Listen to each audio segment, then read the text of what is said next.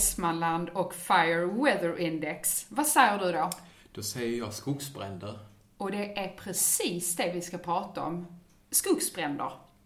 Välkommen till MSB Revinge podd. Vi sänder en gång i månaden från MSB skola i Revinge. Den här gången kommer alltså temat att vara skogsbränder och med anledning av det så har vi bjudit in Magnus Söderström. Och när det kommer till skogsbränder så skulle jag nog våga påstå att han är ett levande uppslagsverk. Eller vad säger du Magnus? Nej, absolut inte. Men eh, jag har det lite som intresse. Nörderier. Lite grann. Lite grann. Ja, men inget uppslagsverk eh, och ingen, ingen expert. Och ingen expert Nej. heller. Du, ska vi göra så att du börjar med att presentera dig själv? Ja, Magnus heter jag som sagt och eh, Söderström och eh, jobbar här på Revinge. Eh, främst som räddningslärare, har gjort det i nu, varit här på myndigheten i 21 år. Så pass. Ja, bor 200 meter härifrån den här skolan. Och är deltidsbrandman och eh, lärare då främst i räddning, eh, trafikolycka, arbete på höjd. Men också en liten del kring skogsbrand naturligtvis då. Det är därför jag sitter här idag. Just det. Du, jag tänkte börja och ställa den här frågan till dig Magnus. Eh, på vilka utbildningar på skolan lär ni ut om skogsbrand? Ja, vi lär ju ut på våra anslagsutbildningar då främst eh, på skydd mot olyckor, räddningsledare A, räddningsledning B och eh, RUB-kursen som är brandingenjörernas påbyggnadsutbildning. Räddningstjänstutbildning för brandingenjörer heter den då. Så där lär vi ut dem då, där vi lär ut lite olika saker på de olika utbildningarna då. Där. Och vad är det de får lära sig då om skogsbrand? Ja, det är ju främst då grunder som man eh, gör på alla i stort sett då. Eh, Vi går igenom eh, lite termologi, faktorer som styr, topografi, väder, bränsle. På SMO-utbildningen så försöker vi då lägga över som man kallar skill cross eh, walk, som är ett engelskt uttryck där man försöker få eh, de som är duktiga på byggnadsbränder till skogsbrandmän då. Så det är lite det som eh, går ut på att jag måste ju liksom fylla i kunskapsluckorna hos SMO. Vad behöver de ha ytterligare för att liksom kunna hantera eh, bränder i mark och terräng. Så där gör vi det. På eh, våra befälsutbildningar så blir det väldigt teoretiskt grundläggande. Och det är de här räddningsledare A och B va? Ja, eh, våra brandingenjörer då får lite ytterligare, de får lite praktiskt eh, ytterligare eh, del. Men också fördjupas de i någonting som heter Fire Weather Index och Fire Behavior Prediction System. Som är kanadensiska system i brandspridning. Okej, kan du utveckla det? Vad, vad Ja. innebär det egentligen? Det innebär ju då att man måste titta hur, hur en brand sprider sig i olika terräng. Alltså olika skogstyper, vad är det för markskikt med mera. Så det är deras mer i en analysfas att veta vart tar eh, branden vägen. Skulle man kunna säga då. Det är deras uppgift. Och de andra är att agera kan vi säga då, ute i marken och släcka. Okej. Men du nämnde det här med, ja det kanske jag som missade det, men du med räddningsledare A och räddningsledare B, vad var det de fick lära sig där? Ja, de har ju mest grundläggande saker då. Att vi liksom tittar på eh, skogsbrandens terminologi, väder, eh, lite brandriskprognoser. Det är samma som SMO också, fast de får lite mindre helt enkelt. Och eh, SMO får lite, lite mer då. De har lite mer tid på sig. Och vad pratar vi då om i tid? Jag tänker för SMO-arna då. Alltså Ja. hur mycket får de Tre, lära sig tre, tre dagar kan man säga är eh, det som eh, är idag. eh, Skogsbrandsutbildningen. Men då måste man ha med sig att de har ju massa saker innan också i sitt, sin tidigare utbildning som vi kan då docka på. Det handlar om krishanteringssystemet i Sverige, hur det är uppbyggt. Till exempel hur fungerar en motorspruta? Det har de redan gjort. Så det gäller liksom att bygga på det i nästa fas då. Det är det jag pratar om att vi gör den här då eh, bedömningen av vad måste de veta ytterligare för att då hantera det här eh, med skogsbränder. Så de har massa, de har ju rullat slang och massa sådana saker under två år. Så, Så det de gör har- vi inte igen på samma Nej. sätt. Så är det då i slutet av utbildningen som, de, som man kopplar på skogsbrand? Mm, det är ju termin fyra. Så det är. Naturolyckor ligger i termin 4. Då kopplar vi det till eh, samhällets krishantering också då som ligger i robusta samhället efter den kursen. Kurs 9 av 10 på SMO-utbildningen. Okej. Okay. Du nämnde motorspruta. Mm. Jag gissar att det är någonting man använder när man släcker bränder. Mm. Vad är det för någonting? Det, det är våran eh, portabla pump som vi då gör, sätter på vattendrag, öppna vattendrag främst då. För Mm. att ta upp från sjöar och åar och de vattendrag vi hittar. Våra brandbilar som vi har i Sverige, de kan inte ta upp från öppna vattendrag som en pool eller liknande. Utan då är det ju i tanken och då måste vi ha det via ett brandpostsystem i gatorna för att få in vattnet in i brandbilen i tanken. Men här kan vi då ta från var vi hittar vatten i naturen. Mm. Och Sverige är fullt med vatten. Så det är en fördel i skogsbrandsläckning. Mm. Jag tänkte på den här, alltså när de läser då SMO-arna, det här om skogsbrand, är det då mer eh, praktiska övningar på något vis? Eller blir det mer teoretiskt inriktat, eller hur ser Mm. det ut? Det är ju främst, eh, man kan säga två dagar är teoretiskt och en är praktisk. Eh, Och vid tillfälle så eldar vi ju till och med då lite, vi eldar vi av ett hektar. Lite gräs och lite så, så att om, Ja. om förutsättningarna måste vara rätt, det får inte regna den dagen och lite så. Ja. Då får vi hitta på någonting annat. Men vi försöker göra lite saker kring den praktiska delen. Okej. Du Magnus, jag tänkte på det här att ehm, jag undrar, har det, har det blivit fler skogsbränder egentligen? Eller är det någonting som media på något sätt uppmärksammar mer, det här med skogsbränder? Ja, det är väl en kombination som sagt. Det växlar ju väldigt från år till år med skogsbränder. Eh, under 2000-talet kan man säga att 2003 och 2018 är år som sticker ut lite extra med antalet skogsbränder. Okej, vad, vad beror det på att de sticker ut då? Det beror på att vi är lite mer solbrända de somrarna. Då har det varit torr sommar och varm sommar. Eh, Så att gjort att vegetationen har kunnat torka upp.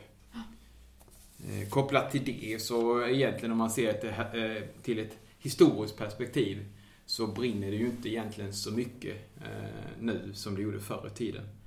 Skogsbrand är ett naturligt inslag i, i ekologin. Ja, ja. Och då kan man säga förr i tiden innan räddningstjänsten började bekämpa bränderna så brann 1% av Sveriges skogsareal år, Ja. årligen. Men då får man ju se det som så att det skiftade också. Det regnade ju precis som det gör nu då mellan olika säsonger så brann det av betydligt mer areal och något år mindre. Mm. Så en del år hade vi jättemycket avbränd areal och sen hade vi lite mindre då troligtvis Mm. de andra åren. Mm. Och vad, du sa en procent, vad, vad är vi nu då? Ungefär, hur många? Ja, det var en bra Ja. fråga Ja. hur, hur procenten var. Men eh, nu som det brann som mest, man kan säga att det var då man räknade ut så fanns det ungefär 280 000 hektar skulle ha brunnit ut årligen då.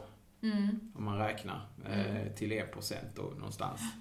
Eh, Ja. Och nu brann det ju då 24 300 när det var som toppnotering som vi hade eh, 2018. Ja, Då var det 24 300. Okej. Så, Ja. Och då var det toppen på topparnas. Så att det kunde ju kanske varit, om jag gissar nu lite så, kanske något år det brann en miljon Mm. Mm. eh, då, hektar. Och något år kanske lite mindre. Så det kan ha varierat genom historien också då. Mm. Så något år brinner det mer och något mindre. Just det. Så man kan väl säga då med andra ord att det brinner inte mer nu Det brinner mindre. för, Ja, precis. Det brinner, arealen Ja, eller ju framförallt Ja, mindre. Eh, Det som också har hänt nu då, det är ju att vi har fått mer skog. Vi har fått förtätning av skogarna. Okej. Så på 100 år så har vi fått 50% mer skog. På grund av förtätningen av skogen. Mm. Så det är 50% mer eh, skogsareal kan man säga, eller skog. eh, Kontra då, inte areal men skog. För att det förtätats. Mm. Vilket också har gjort nu då att i och med att vi har varit ganska flitiga att bekämpa bränderna. Eh, så har det då skapat lite problem. För att eh, då brinner det inte naturligt av marktäcket som är i skogen. Utan det blir liksom bränsle som ligger kvar i, i marken. Och, och då får vi problem. Då finns det väldigt my- mycket tillgängligt bränsle som ligger kvar och kan då vänta på att brinna om det blir väldigt torrt. Det är därför det är svårare då sen att hantera dem nu idag kontra innan. Och det är det man ser i de andra länderna. Eh, som, eh, som i Amerika till exempel då. Att eh, det har varit framgångsrikt med, med räddningstjänsten som har bekämpat alla bränderna. Och nu kommer då lite nackdelar kring det bekämpningssystemet. Mm. Okej. Okay. Du Magnus, jag tänkte på, du nämnde ju tidigare att 2003 och 2018 stack ut när det kommer till skogsbränder. Men jag tänker på 2014, den här skogsbranden i Västmanland. Vad är det mm. som gör att, inte den, att du inte nämnde just den? Jo, det, det, är ju som så att 2014 så sticker just den branden ut i avbränd areal. Eh, och inte i antalet bränder, för eh, antalet bränder var mer 2013 än 2014, vilket ingen hade kunnat säga då egentligen. Man tror ju att 2014 brann det mycket, mycket mer än 2013. Men det var 500 mer bränder 2013 kontra 2014. Mm. Men vi hade den branden som då brände av lika mycket areal som från 2008 till 2014. Sammanlagda avbrända arealen var lika mycket som alla bränderna tillsammans mellan de åren. Så alla bränder som var släckt däremellan var det en enda brand som brann så mycket. Och egentligen var det bara en enda dag som det brann så mycket. Det var måndagen den 4 augusti. Du minns det som igår? Ja, jag minns det. Yeah. Det var ju en explosionsartad brand yeah. som har varit extrem kan vi säga yeah. i, i modern tid i Sverige då. Det var det extremaste brandförloppet vi haft den dagen. Kan du berätta något mer om det? Ja, det var ju, det blir ju liksom en, det är ju där någonstans vi, vi, vi vaknar upp, kan man säga, i brandbekämpningssammanhang i Sverige. Att vi kan liksom ha sån här eh, megabränder som de pratar om då. Att de kan bli så stora och så snabba. Mm. Innan har vi liksom haft ett eh, vegetation som varit ganska blöt och fuktig i regel. Så det har inte blivit sådana stora bränder när vi har kunnat bekämpa dem då. Så där var, kan man säga, den, den riktigt stora branden vi haft i modern tid. Mm. Och var därför den fick så mycket uppmärksamhet också såklart. Ja. Tänker, ja. Sen har vi haft st större bränder. Vi hade i Boden 2006. Men den är inte lika stor. Men sen skedde den ju i norra Sverige och den påverkade inte lika mycket folk. Så den blev inte lika medialt stor som den här då, eh, Västmanland, som påverkade väldigt mycket människor och djur. Mm. Mm. Just det. Du, jag tänker du var lite inne på det här att prata om, om andra länder. Alltså vad har vi här i Sverige, vad har vi att lära av andra länder som är vana vid skogsbränder? Ja, eh, de andra länderna har ju fått lite nya tankegångar kan man säga då. De har ju fått svårare bränder att bekämpa. De har ju fått svårigheter för brandsäsongen har blivit mycket längre. Så det de har lärt sig är inte detsamma idag. Men det de lärde sig för kanske är detsamma för oss nu.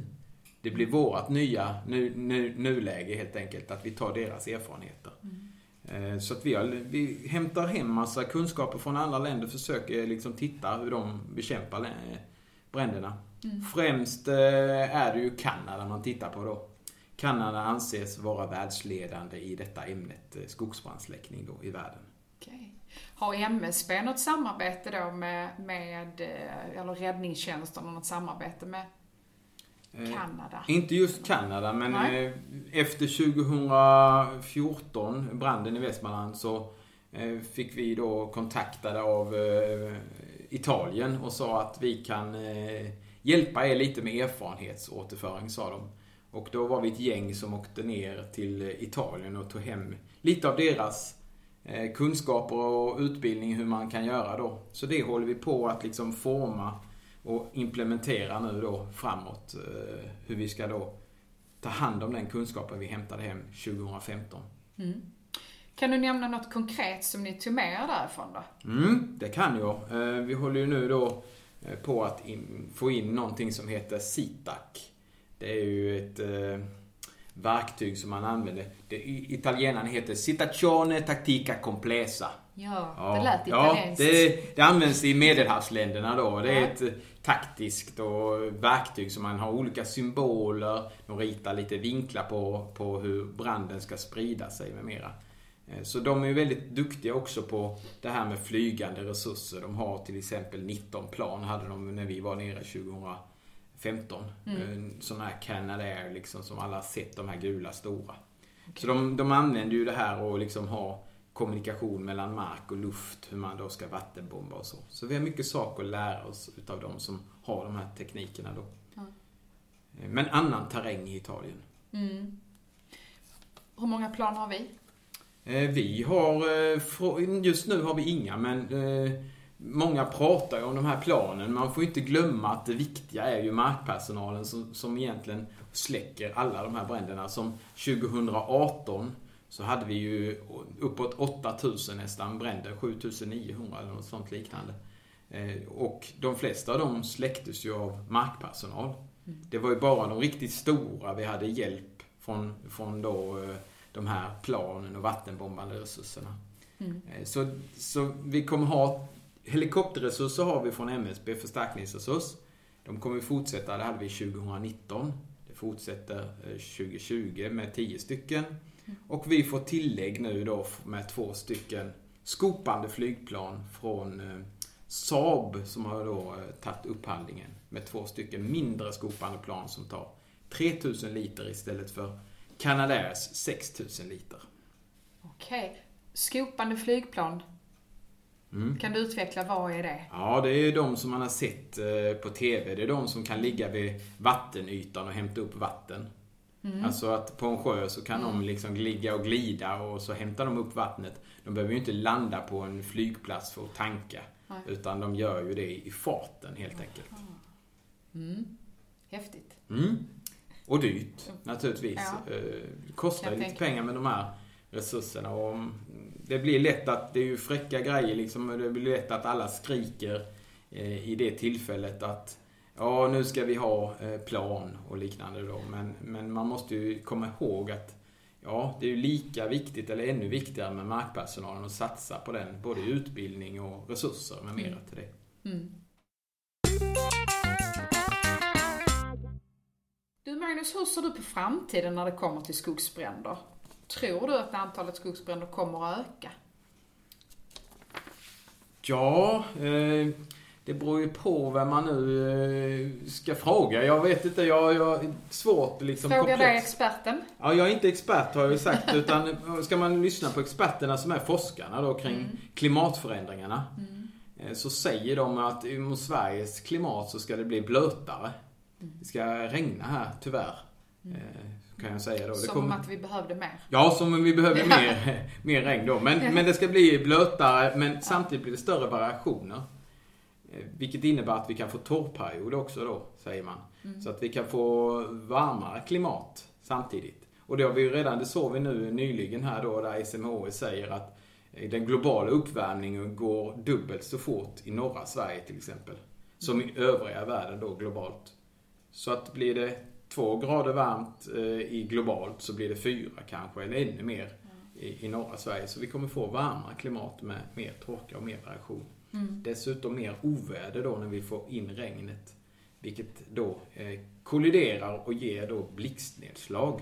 Mm. Som kan då vara en antändande källa till torr vegetation. Mm.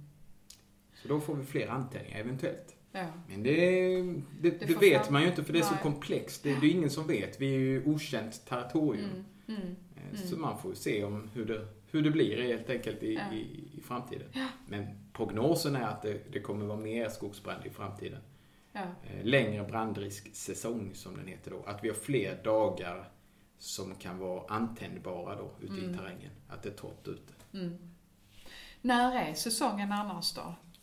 Ja, det, det blir också eh, svårare att säga nu då. Eh, Det sker ju lite, för vi har ju gräsbrandsäsong eh, Mm. främst då i mars, börjar i Skåne och sen så vandrar den uppåt. Sen slutar det ju med, med lite djupare, djupgående bränder på hösten, att det kan brinna långt ner i marken. Så långt ner på hösten så kan de övervintra ibland till och med. Så har det inte skett att det släcks från eh, snösmältningen då. Då kan de ligga och, och gosa till sig. Så när vattnet smälter ner sen från snön så släcks de bränderna. Mm. Så säsongen, internationellt säger de nu att det finns ingen säsong i Amerika till exempel. Då har de hela året nu. Mm. Men vi Mm. har ju en skogsbrandssäsong under sommaren naturligtvis då. Mm. När det är Mm. som varmast och Mm. torrast. Mm.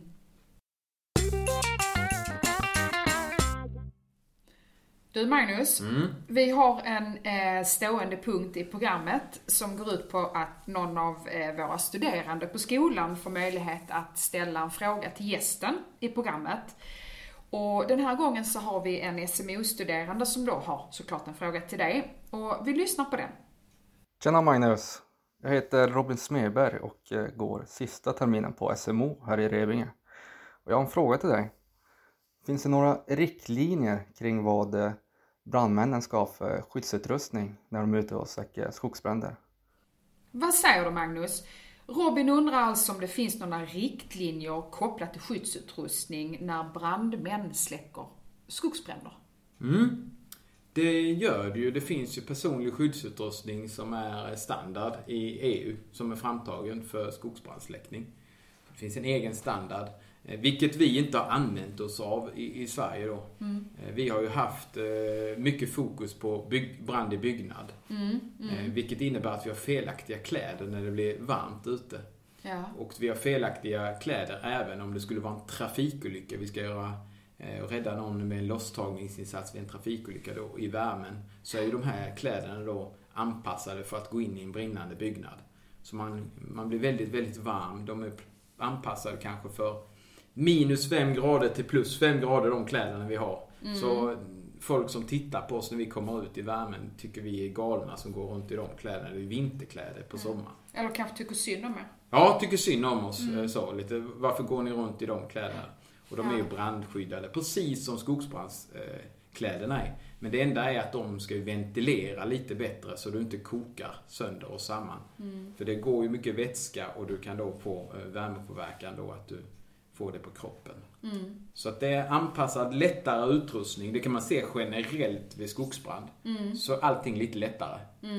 Vi försöker liksom eh, ha det så lätt som möjligt när man ska bära ut i terräng och så. Det är utgångspunkten. Men du Magnus, vad tror du om utrustningen i framtiden då? Något nytt som kommer komma som du tänker, mm, ja men det här, det här tror jag. Alltså det gamla eh, gäller fortfarande inom eh, skogsbrand. Alltså det som de släckte med förr i tiden var inte fel det heller. Det är bara det att vi måste liksom ha kvar kunskapen för det sker ju i variation.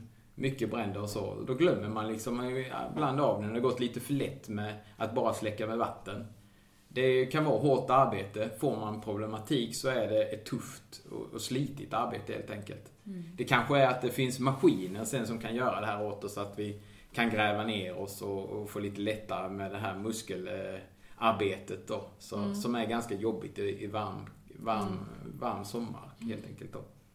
Så att jag kan inte säga exakt hur, hur det kommer att se ut men, men eh, vi jobbar ju nu med flygande resurser, med, med markpersonal och man håller på att bygga upp terrängkapacitet.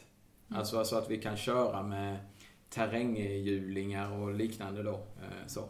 Vi har ju gjort oss av med det innan för vi ärvde ju militärens gamla fordon. Och de har blivit så dåliga, alltså, så det kostar så mycket underhåll på dem. Så att de flesta har tagit bort det. Eh, Den utrustningen då. Min stora oro är ju för deltidsstationer. Alltså eh, avfolkningen i glesbygd är den stora avran. Hur ska man upprätthålla en beredskap? För det har varit ett framgångskoncept. Att man kan vara snabbt och släck, släcka en mindre brand. En mindre brand kan ju nästan vem som helst släcka med något litet tillhygge. Men när den växer sig stor så blir den ju för stor för alla. Då går det inte att släcka. Då är det omöjligt till slut och det är bara naturen själv som ändrar väderförhållanden som släcker den. Att det börjar regna eller liknande då. Vad har du för tankar om det då? Ja, det finns ju då, vi går ju ut liksom i och med att vi tunnar ut deltidsorganisationen så blir man mindre och mindre styrkorna. Får mindre och mindre bilar dessutom då. Eh, Man kanske hade terrängfordon och tankbilar och så, så hade man massa vatten med sig ut. Eh, Nu blir det kanske svårare, man har en liten bi- bil som man kallar då FIP eller första insatsperson där kanske sitter en person eller två personer. Som då ska komma ut till en skogsbrand. Så det är inte riktigt anpassat för det. Men det som man jobbar mot är ju att man har eh, skogsbrandvärn eller räddningsvärn, att frivillighet då ska eh, stärka upp det. Eh, Så att man blir fler folk på plats då. Och då är det ju skogsbrandvärn, använder man oftast personer som befinner sig i sin hemmiljö. Alltså, de är ju vana att jobba i skog och, han, och det är ju deras vana arbetsplats. För oss eh, på räddningstjänsten så är ju skogsbrand en del. Vi har ju så mycket annat eh, som vi måste balansera upp också då. Så det handlar om att balansera, vara tålmodig, långsiktig. Att inte liksom ge upp när ingen bryr sig om ämnet, som sker ibland. Och ibland så är det på topp, då pratar alla om det ämnet just. Och sen de som inte har blivit drabbade av ämnet, de glömmer av det. De drabbade glömmer nästan aldrig av att de har blivit drabbade av en skogsbrand, en större då. Som har påverkat dem hela livet. Så det är väldigt stor skillnad var, var man befinner sig, om man varit med om något eller inte varit med om det. Så medierna liksom styr ju lite allmänhetens intresse då. Just det. Men du Magnus, om jag då skulle vilja läsa på lite mer om skogsbrand, vad har du något att tipsa om då? Ja, det borde ju varit du som, som, som skulle säga det till mig som jobbar på biblioteket. Skulle Ja. man kunna tänka va? Ja, Eh, jag, jag tänker rent spontant på den här Skogsbrand Ja, vad, vad tänker du? av Rickard Hansen. Ja, då heter den skogsbrandsläckning. Ja, det var nästan det. rätt. Attans också. Skogsbrandsläckning av Rickard Hansen, ja, Ja. precis. En klassiker. En klassiker, ja. Från Ja. 2003. Ja, Ja. och den, den håller nu. Eh, Den håller i, i vissa delar fortfarande då. Det har ju ändrats lite. Ja. Så att den är ju utvecklad i, i MSBs väg, vägledning. Och det är också Rickard Hansen som står bakom den. Så han har, han har justerat vissa delar utav den. Den först, första delen är ju fortfarande gällande hur en skogsbrand sprider sig. Ja, Den gäller ju sedan historien tillbaka, så den ändras ju inte. ja, Men däremot så ändras ju liksom hur får du tag i helikoptrar, det taktiska, hur ska jag göra med det och så. Det ändras ju hela tiden, det måste man ju hela tiden förnya. just det. Och ska man då läsa någonting annat så finns ju eh, Ulf Erlandssons Då heter den Skogsbrand, Laura. Ah, Ja, ja. Från Jag 1992. ska, lägga, Ja. jag ska lägga detta på minnet, ja. Ja. Yes. Och det var min mentor förresten, Ulf Erlandsson, när jag började en gång i tiden. Eh, inom Växjö räddningstjänst. Med Bamses brandskola. Tyvärr har han eh, avlidit och gått bort, eh, Okej. Ulf. Men var han jobbar han här, eller? Nej, han jobbade, han jobbade för Räddningsverket, var så kallad sån här eh, brandutredare för, för Räddningsverket. Fast han satt i Växjö. Okej. Men jag tänker de två böckerna som du nämner nu, de har ju några år på nacken. Om jag då vill ta reda på det här nyaste och så, vad som gäller just nu, var hittar jag den informationen då? Ja, den finns ju på nätet att eh, söka efter. Vägledningen, eh, Ja. skogsbrand. Just det. Så den finns där och, och hämta ut. Ja. Eller så kanske du har den. Ja, Nej, jag inte kan, omöjligt. nej, så kan det vara. Du Magnus, i eh, förra avsnittet så hade vi Pierre Håkansson här och han pratade om arbete på hög... Nej, arbete på höjd är det ju. Man sa arbete på hög höjd förr. Arbete på höjd är det. Men i alla fall, eh, Pierre han ställde en, en fråga till dig om skogsbrand som han vill ha svar på. Och du, vi lyssnar på den frågan. Eh, Magnus, tycker du att utbildningen som SMO får i skogsbrandsläckning är tillräcklig? Om inte, vad tycker du i sådana fall saknas? Vad säger du Magnus? Ja, eh, han ställde en fråga här om eh, SMO-utbildningen och Mm. eh, får de tillräcklig utbildning? Nej, det, det, det är ju som så att eh, det har ju liksom ökat det här ämnet kan vi säga då. Att intresse och, och att vi ska väl bli bättre på skogsbrand. Så det är ju någonting vi måste utveckla eh, vidare helt enkelt. Att eh, rent fältmässigt, att kunna hantera då och kanske jobba ute i terräng. Eh, Man pratar också om att jobba nattetid för att det kan vara lättare att eh, få till och släcka bränd under na- nattetid för att de går ner i intensitet på grund av luftfuktigheten. Den är högre. Så då kanske man vill jobba och liksom förbereda sig under natten och sen gå på när, när solen eh, dyker upp då på morgonen så man är lite mer förberedd. Så vi måste ju liksom ta nästa steg. Och jag har ju haft fördelen, jag har varit ute på lite bränder nu då och varit med och eh, släckt lite bränder längst ut i fronten helt enkelt på, på insatserna. Och, då- och då tar jag med mig liksom av den kunskapen som finns där. Det handlar om allt då från eh, sova eh, i fältmässiga förhållanden, äta under fältmässiga förhållanden, inte exakta tider. Du vet till exempel inte om du får mat eller den eh, under några timmar eller inte. Ja. Och förbereda sig för det. Ja. Att tänka, har vi med oss vätska tillräckligt så vi klarar oss? Har vi proviant så vi kan klara oss lite själva ifall inte någon kommer ut med mat med mera. Sådana saker. Ja. Till exempel skoskav, en sån enkel sak. Ja, Att ha rätt, eh, ha rätt plåster på sig. Ja, Ja. Sådana grejer som, som då måste då utvecklas. Så det fältmässiga vill vi då ta upp och liksom få dem mer att jobba. Mm. Vi har svårt att hitta en riktigt bra skog här i Skåne.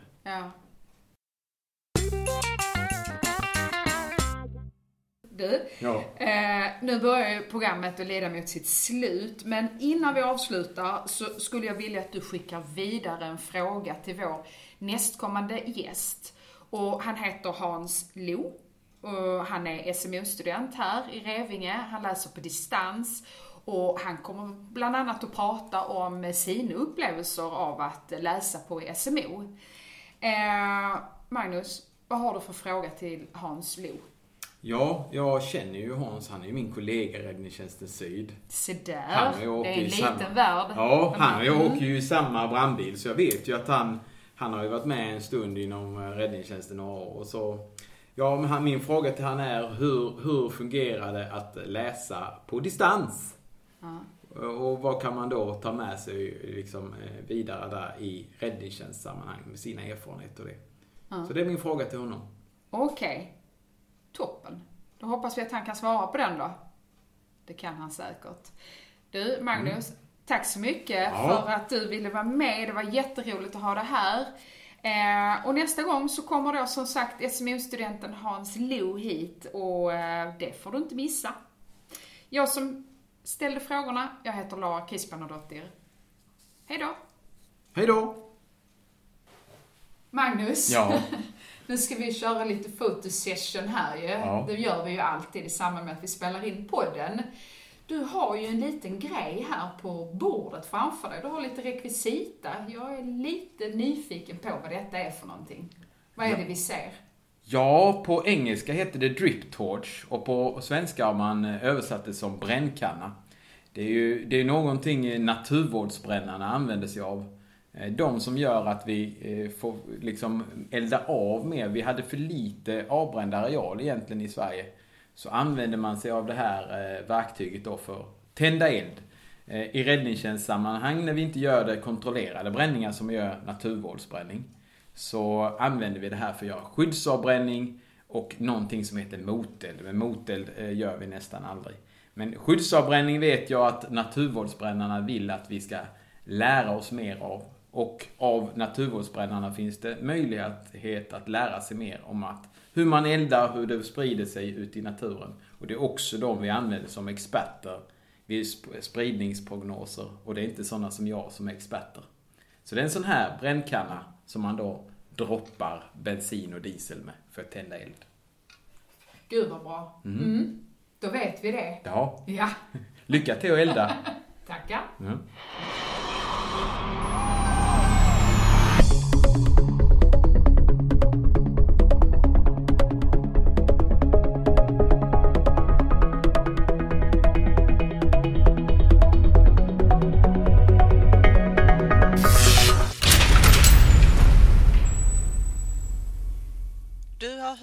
Magnus Söderström, lärare på MSB Revinge.